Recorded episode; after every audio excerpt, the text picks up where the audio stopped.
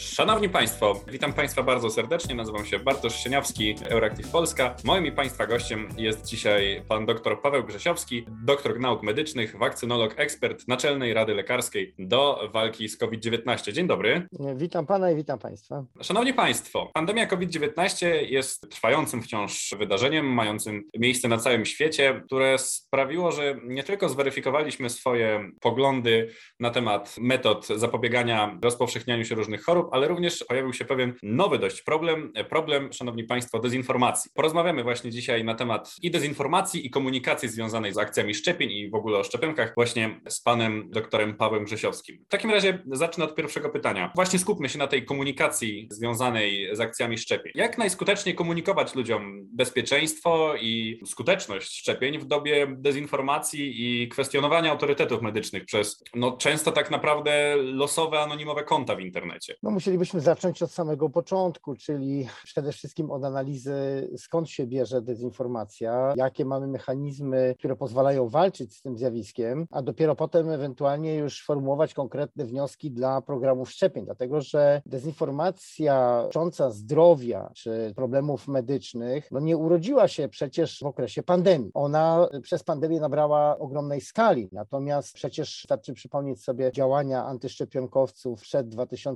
2020 rokiem. Wystarczy sobie przypomnieć czy przeanalizować różne mm, koncepcje, nie wiem, leczenia nowotworów środkami zarejestrowanymi, badania, nie wiem, z żywej kropli krwi i tak dalej. No jest całe mnóstwo sieci bardzo dziwnych, niewiarygodnych informacji, które ludzie czytają, w które ludzie częściowo wierzą, a w sytuacji jakiegoś zagrożenia zdrowia czy życia po nie sięgają. Więc pandemia tylko to zwielokrotniła przez to, że ten przekaz medyczny bardzo się upowszechnił. Proszę zwrócić uwagę, że nigdy wcześniej o żadnej innej kwestii medycznej nie było tak wielu informacji w powszechnych mediach, czyli, czyli w mediach zarówno tych tradycyjnych typu telewizja, radio i gazety, po wszelkie portale społecznościowe, prawda, i aktywność ludzi w sieci pandemia to niesamowicie rozbudowała, a to po pozwoliło zaistnieć różnego rodzaju patologicznym zjawiskom, między innymi takim jak e, właśnie, nie wiem, hejt wobec medyków czy naukowców, jak trolling, jak świadome rozpowszechnianie informacji błędnych, fałszywych, ale również niestety, trzeba to przyznać e, z bólem, również zarabianie ogromnych pieniędzy na popieraniu, na promowaniu tych treści antynaukowych, anty, bo to przecież nie jest tylko kwestia szczepionek, ale to jest generalnie atak na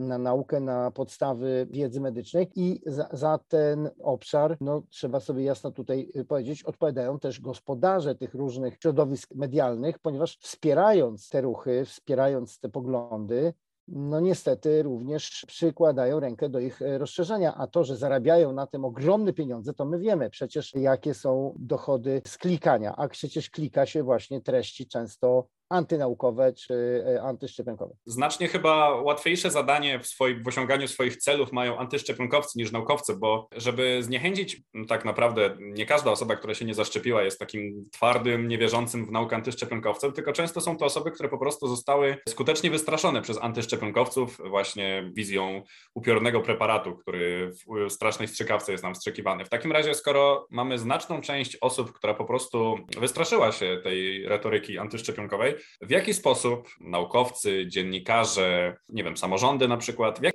w jaki sposób zachęcić te niezdecydowane, wystraszone osoby do tego, że szczepionki są bezpieczne i skuteczne, Pana zdaniem? Ja myślę, że podstawową sprawą jest wiedza. I y, ja pracuję w punkcie szczepień konsultacyjnym, czyli tam, gdzie już trafiają pacjenci z wątpliwościami, pacjenci, którzy nie zaszczepili się, którzy mają jakieś lęki. E, ja pracuję w tym punkcie szczepień od wielu lat, to nie jest e, też kwestia pandemiczna. I czułem się jednej rzeczy. Pierwsza e, podstawowa zasada to jest wysłuchanie pacjenta, czyli próba zorientowania się, czego on się boi, czy dlaczego się nie szczepi. Zgadzam się z Panem, że absolutnie nie można włożyć wszystkich ludzi, którzy się nie zaszczepili, do jednego worka i nazwać te, ten worek antyszczepionkowcami. Tak nie jest. Bardzo wiele osób ma wątpliwości, ma pytania, na które które nigdy nie dostało odpowiedzi. Te osoby powinny trafić właśnie do punktów, gdzie mogą spotkać się z ekspertem. Ja takich rozmów przeprowadzam kilka, no, czasami kilkanaście tygodniowo i po wielu tych rozmowach rodzice, bo to najczęściej są rodzice dzieci, czy sami pacjenci, wychodzą z pewnym zmienionym punktem widzenia. Ja nie mówię, że od razu wszyscy się godzą na szczepienia, ale oni w wielu przypadkach rozpoczynają drogę, która skończy się szczepieniem. Dlatego, że nie ma nic gorszego niż zostać ze swoimi wątpliwościami bez odpowiedzi, zostać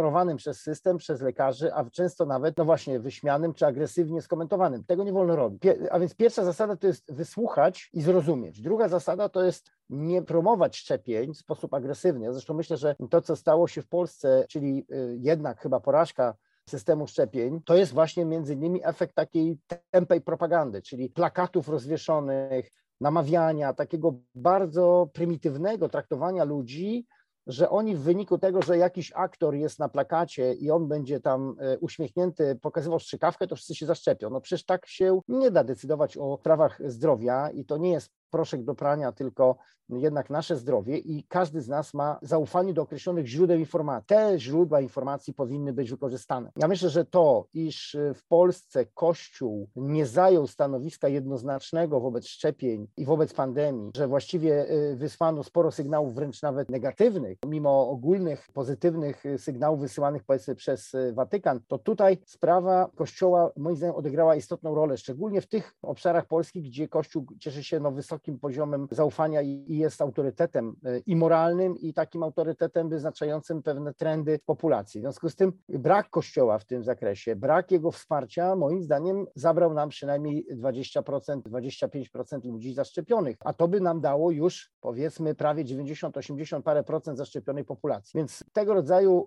zjawiska mm, nie powinny dziać się spontanicznie. Program szczepień powinien być zatem przygotowany wcześniej, oparty na autorytetach, a nie na propagandzie propagandzie i nawet nie na autorytetach czysto medycznych, w rozumieniu takim, że ekspert, który rzuca cyferkami, no nie jest wiarygodny dla ludzi, którzy tych cyferek nie rozumieją. Więc każdy mm, powinien mieć, że tak powiem, dostęp do takiego autorytetu, jaki jest e, w stanie zrozumieć i ten przekaz musi być dostosowany do różnych grup.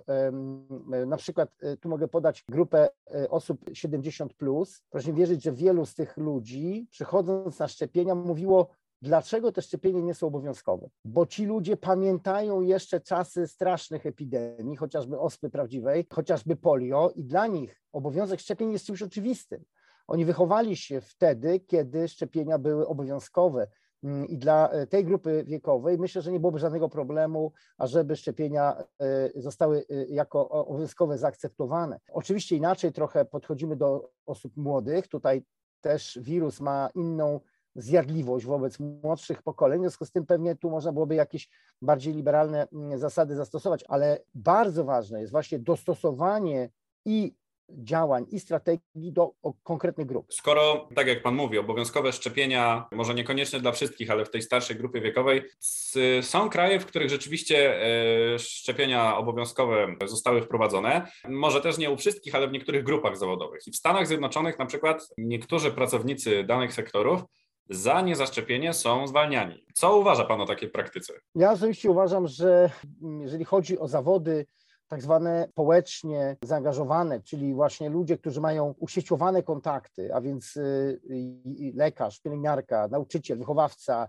nie wiem, kierowcy komunikacji miejskiej i tak dalej, i tak dalej, y, te zawody powinny mieć wpisane szczepienia jako standard. To znaczy, jeżeli chcesz pracować z ludźmi, a szczepienia zmniejszają ilość wirusa, zmniejszają ryzyko zachorowania, to powinieneś być zaszczepiony. Oczywiście obowiązek to jest jakby ostatni już taki siłowy sposób rozwiązywania problemu. Dużo lepiej jest, jeżeli to zostanie wypracowane, na przykład ze związkami zawodowymi, z grupami, samorządami, y, jak podejść do tego, żeby ludzie y, y, zaszczepili się w jak największym stopniu. Ja przypomnę, że w Polsce medycy są zaszczepieni prawie w 90% w zależności od grupy zawodowej, czyli 9 na 10 przedstawicieli tej grupy zawodowej się jednak podporządkowało bez obowiązku szczepień. Został nam ten margines 10%, który trzeba e, w jakiś sposób teraz skłonić e, do zmiany decyzji. No i pytanie, jak to zrobić? Czy siłowo, właśnie nakładając obowiązek i e, rygor wymagalności i zatem stratę miejsca pracy, czy na przykład wystarczyłoby może wyraźnie podwyższyć skład OC y, za ubezpieczenie dla takiej osoby, albo spowodować inne konkretne koszty związane z niezaszczepieniem się. Na przykład y, stworzyć jakiś fundusz OC na wypadek, gdyby doszło do epidemii w danym szpitalu i na taki fundusz osoby te musiałyby się obowiązkowo składać. To byłaby lepsza formuła niż y, przymuszanie znowu wprost do szczepień na zasadzie jak się nie zaszczepisz, to stracisz pracę. Ale oczywiście i taka opcja ostatecznie jest dopuszczalna, tylko musi być zaakceptowana przez pracowników, przez, e, tak jak mówię, ich również samorządy i związki e, zawodowe, bo inaczej wtedy traktuje się to jako zewnętrzną siłę i coś, co się zwalcza. Już dzisiaj proszę zauważyć, że na przykład niektóre samorządy medyczne zareagowały nerwowo na to, że mają być wyciągane konsekwencje służbowe wobec y, osób, które się nie zaszczepiły.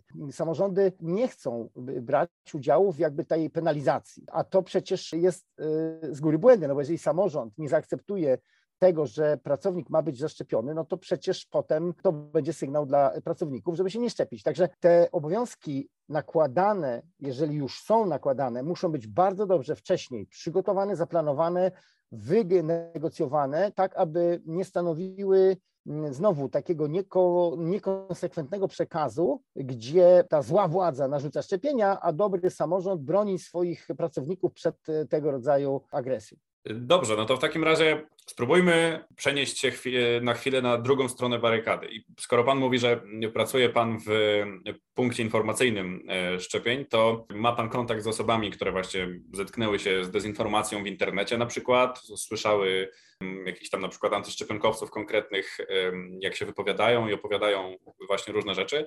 Jaki według Pana jest najbardziej przekonujący argument, z którego korzystają antyszczepionkowcy i w jaki sposób e, skutecznie go debunkować, w jaki sposób, kiedy natkniemy się my, słuchacze, na właśnie na osobę, która wierzy w taki najbardziej przekonujący argument, w jaki sposób jej wyjaśnić, że ten argument niekoniecznie jest prawdziwy, że warto się doinformować na podstawie innych źródeł, czy ma Pan w ogóle właśnie jak, jakiś, taki, jakiś taki argument, z którym najczęściej się ludzie zgłaszają i na przykład brzmi przekonująco? Wie Pan, y, jest bardzo dużo takich y, argumentów, bo, bo ja uważam, że, że dużo ludzi, którzy nie szczepią się, tak naprawdę podstawą jest strach. I teraz, y, jeżeli ja się boję na przykład zejść do piwnicy po ciemku, to będę otwarty na różnego rodzaju koncepcje, które to tłumaczą, tak? Na przykład ktoś mi powie, że w jakiejś tam piwnicy kogoś zamordowali, no to ja już nie pójdę, bo się boję, że zginę.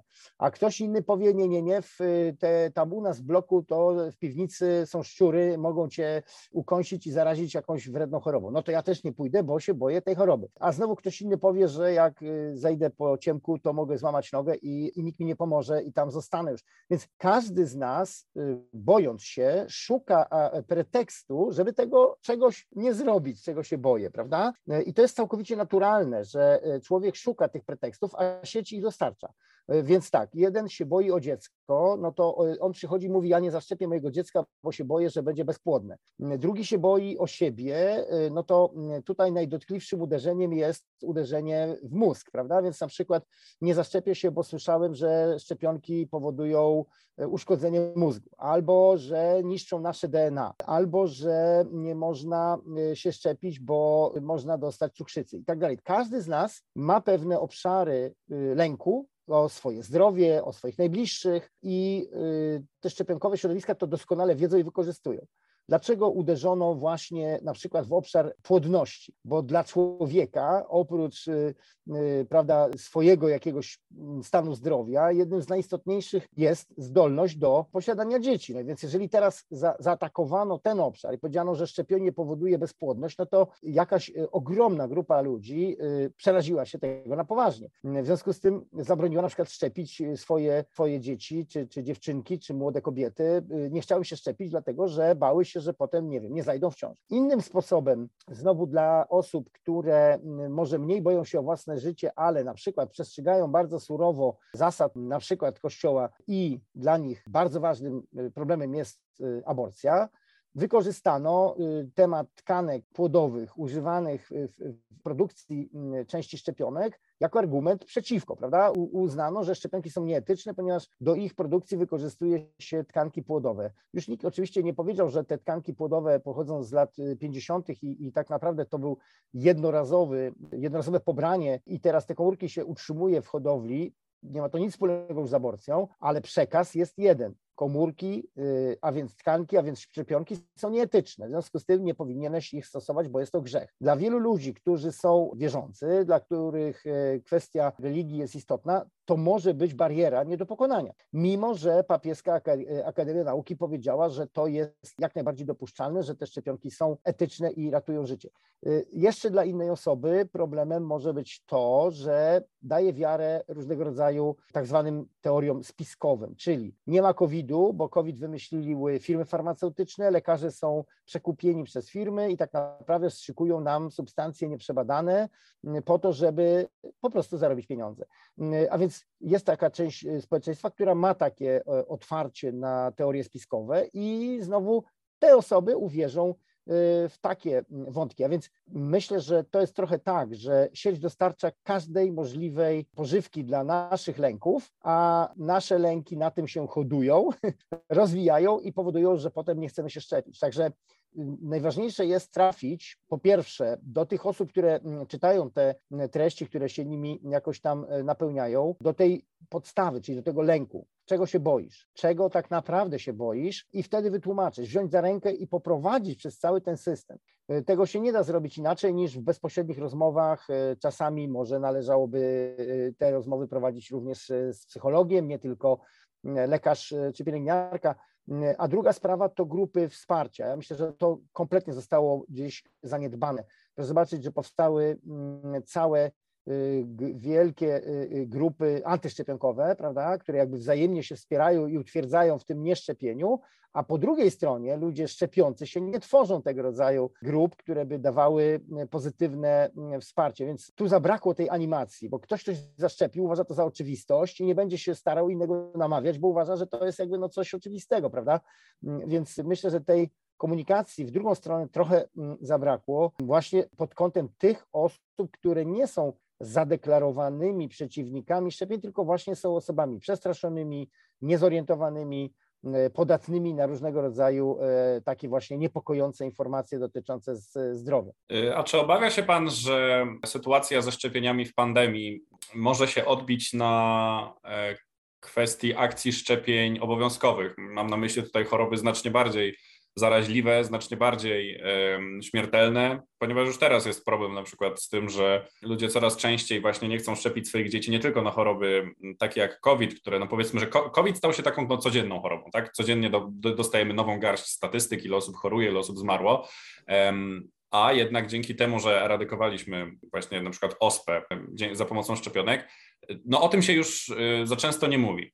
W takim razie spada wyszczepioność na niektóre choroby, mm, na które szczepi się już małe dzieci, niemowlęta. Czy boi się Pan, że właśnie to takie zorganizowanie antyszczepionkowe, te grupy, o których Pan opowiada, mogą mieć jakiś realny wpływ na wyszczepienie społeczeństwa przeciwko tym najgroźniejszym chorobom? Czy jednak te e, kary, które, te, te przepisy, które są ustanowione, że to jest wszystko obowiązkowe, te kary które obowiązują za niezaszczepienie właśnie dzieci, czy to jednak skutecznie jakoś będzie przeciwdziałać właśnie niechęci do szczepienia na te najgroźniejsze choroby, które znamy? Można powiedzieć w ten sposób, że pandemia już nam zaszkodziła, e, jeżeli chodzi o realizację kalendarza szczepień, dlatego że po pierwsze e, doszło do licznych opóźnień z powodu pandemii, czyli były w pewnym momencie utrudnione przecież wizyty w gabinetach lekarskich, były nawet pozamykane przychodnie i to spowodowało przesunięcia w realizacji kalendarza szczepień. Po drugie, mm, część osób, y, które mm, y, jakby weszły do tego antyszczepionkowego obszaru, mogą rzeczywiście rozciągnąć niechęć do szczepień na inne szczepionki, nie tylko y, przeciwko COVID-19. Z drugiej strony zaś, jak przypominam sobie, 2019 rok był najlepszym rokiem jeżeli chodzi o realizację szczepień e, kalendarzowych w ciągu ostatnich 10 lat. Było najmniej osób, które zadeklarowały nowych przystąpienie, że tak powiem, do tej antyszczepionkowej grupy i e, odmawiały szczepień swoim dzieciom. A więc Myśmy doprowadzili przez y, te 10 lat do mm, skutecznego zablokowania ruchów antyszczepionkowych. Jednak pandemia dała im nowego y, napędu, nowego paliwa do działań i rzeczywiście może tak się wydarzyć, że patrząc na y, kolejne lata, zaufanie do szczepień w ogóle, zaufanie do lekarzy, do medyków będzie gorsze i odbudowa tego zaufania będzie trwać jakiś czas. Natomiast y, w Polsce, y, to jest bardzo ciekawe, przed pandemią takim probierzem zaufania do szczepień y, kalendarzowych były sondaże robione mniej więcej w odstępach dwuletnich przez CEBOS i według ostatniego sondażu przed pandemią w Polsce było zaledwie niecałe 10% osób, które nie ufały szczepieniom dziecięcym, kalendarzowym, a więc y, mm, a, a równocześnie y, tylko 20 mm, parę procent ufało szczepionce przeciwko grypie. Więc my mamy w sobie tutaj w Polsce mm, taką, myślę, specyficzną sytuację, że dosyć mocno oddzielamy szczepienia pediatryczne, te dziecięce, od innych szczepionek i mam nadzieję, że ten trend się utrzyma y, i pandemia nie spowoduje jakiegoś silnego wzrostu e, niechęci do szczepień właśnie e, tych dziecięcych kalendarzowych, tym bardziej, że program szczepień przecież się teraz rozszerzył. Mimo pandemii mamy szczepienia przecież przeciwko pneumokokom i rotawirusom już w tej chwili według kalendarza szczepień nieodpłatne, co jest bardzo ważnym rozszerzeniem. E, no i na razie przynajmniej ja słyszę, aby, aby, aby jakieś tutaj były zorganizowane protesty przeciwko tym nowym szczepieniom, które weszły do kalendarza szczepień obowiązkowego. E, też ciekawa kwestia jest taka, że wszystkie statystyki wskazują na to, że Polacy Polaków można by nazwać lekomanami, chociażby można spojrzeć na reklamy w telewizji. Mamy dużo suplementów, diety, witamin, leków na lepsze trawienie, znaczy leków w cudzysłowie oczywiście, ale jakichś środków na lepsze trawienie. Czy myśli Pan może, że gdyby szczepionki no nazwijmy to, reklamować w taki sposób, szczepionki na COVID reklamować w sposób podobny jak te suplementy diety, to mogłoby to jakoś poprawić.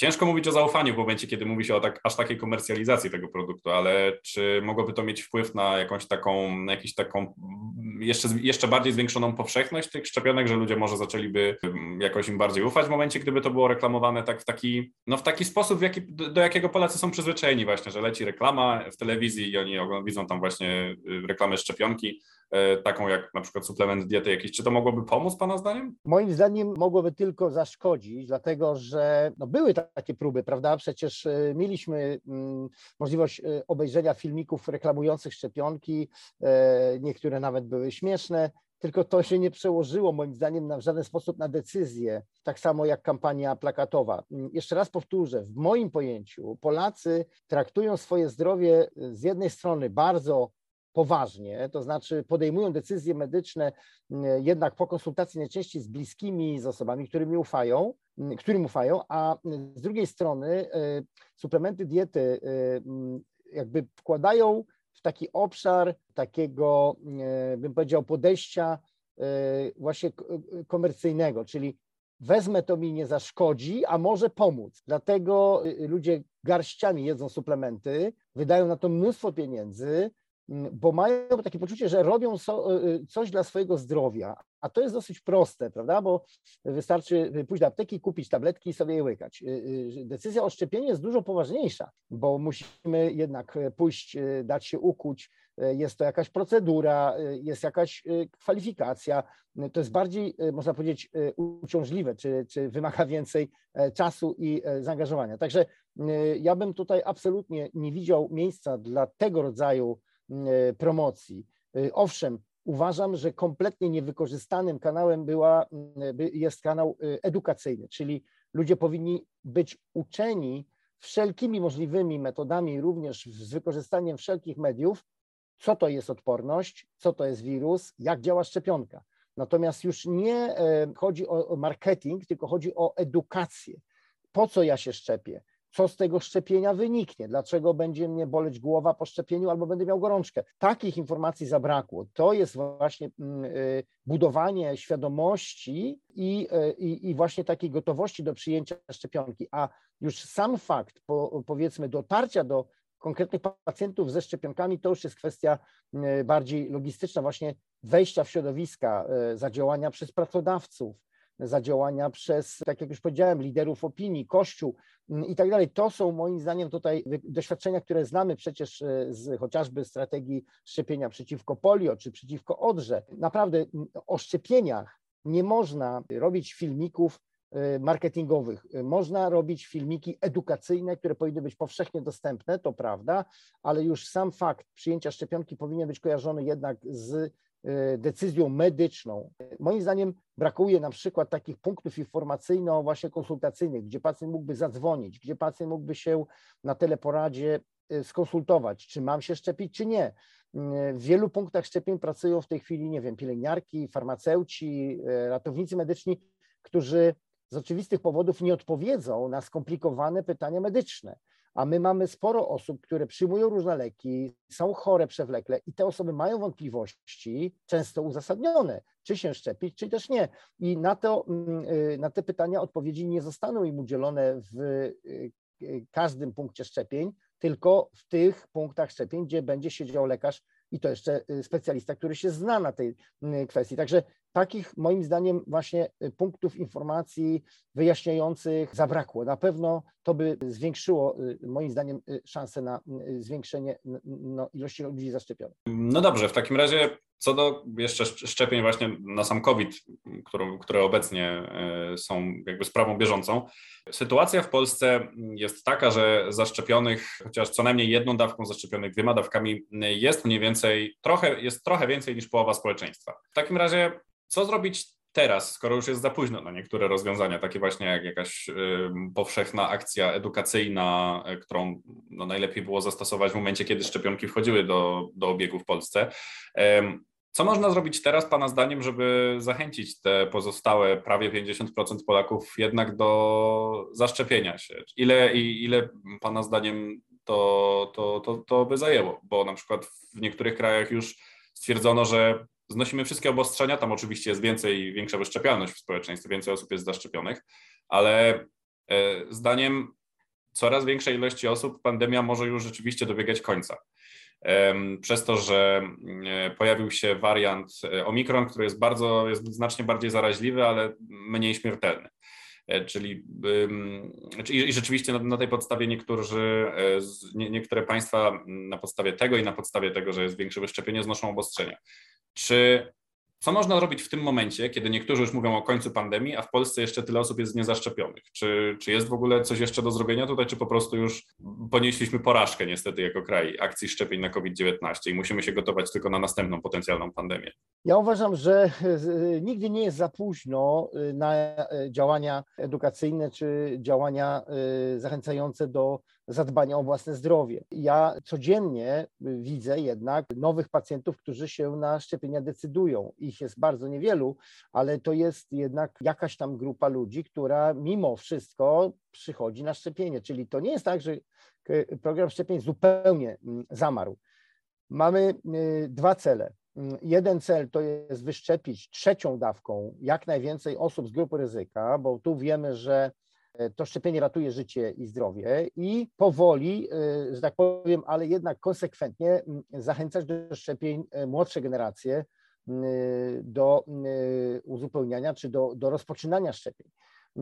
Ja osobiście uważam, że musimy się też wyzwolić jakby z takiej bańki, w której się znaleźliśmy, tej bańki informacyjnej, że jest tylko hejt antyszczepionkowy i tylko ludzie są nastawieni negatywnie, a i dlatego nie ma sensu nic robić. Ja się z tym absolutnie nie zgodzę. Mm, biorę udział w, w licznych szkoleniach, w różnych zakładach pracy i tak dalej.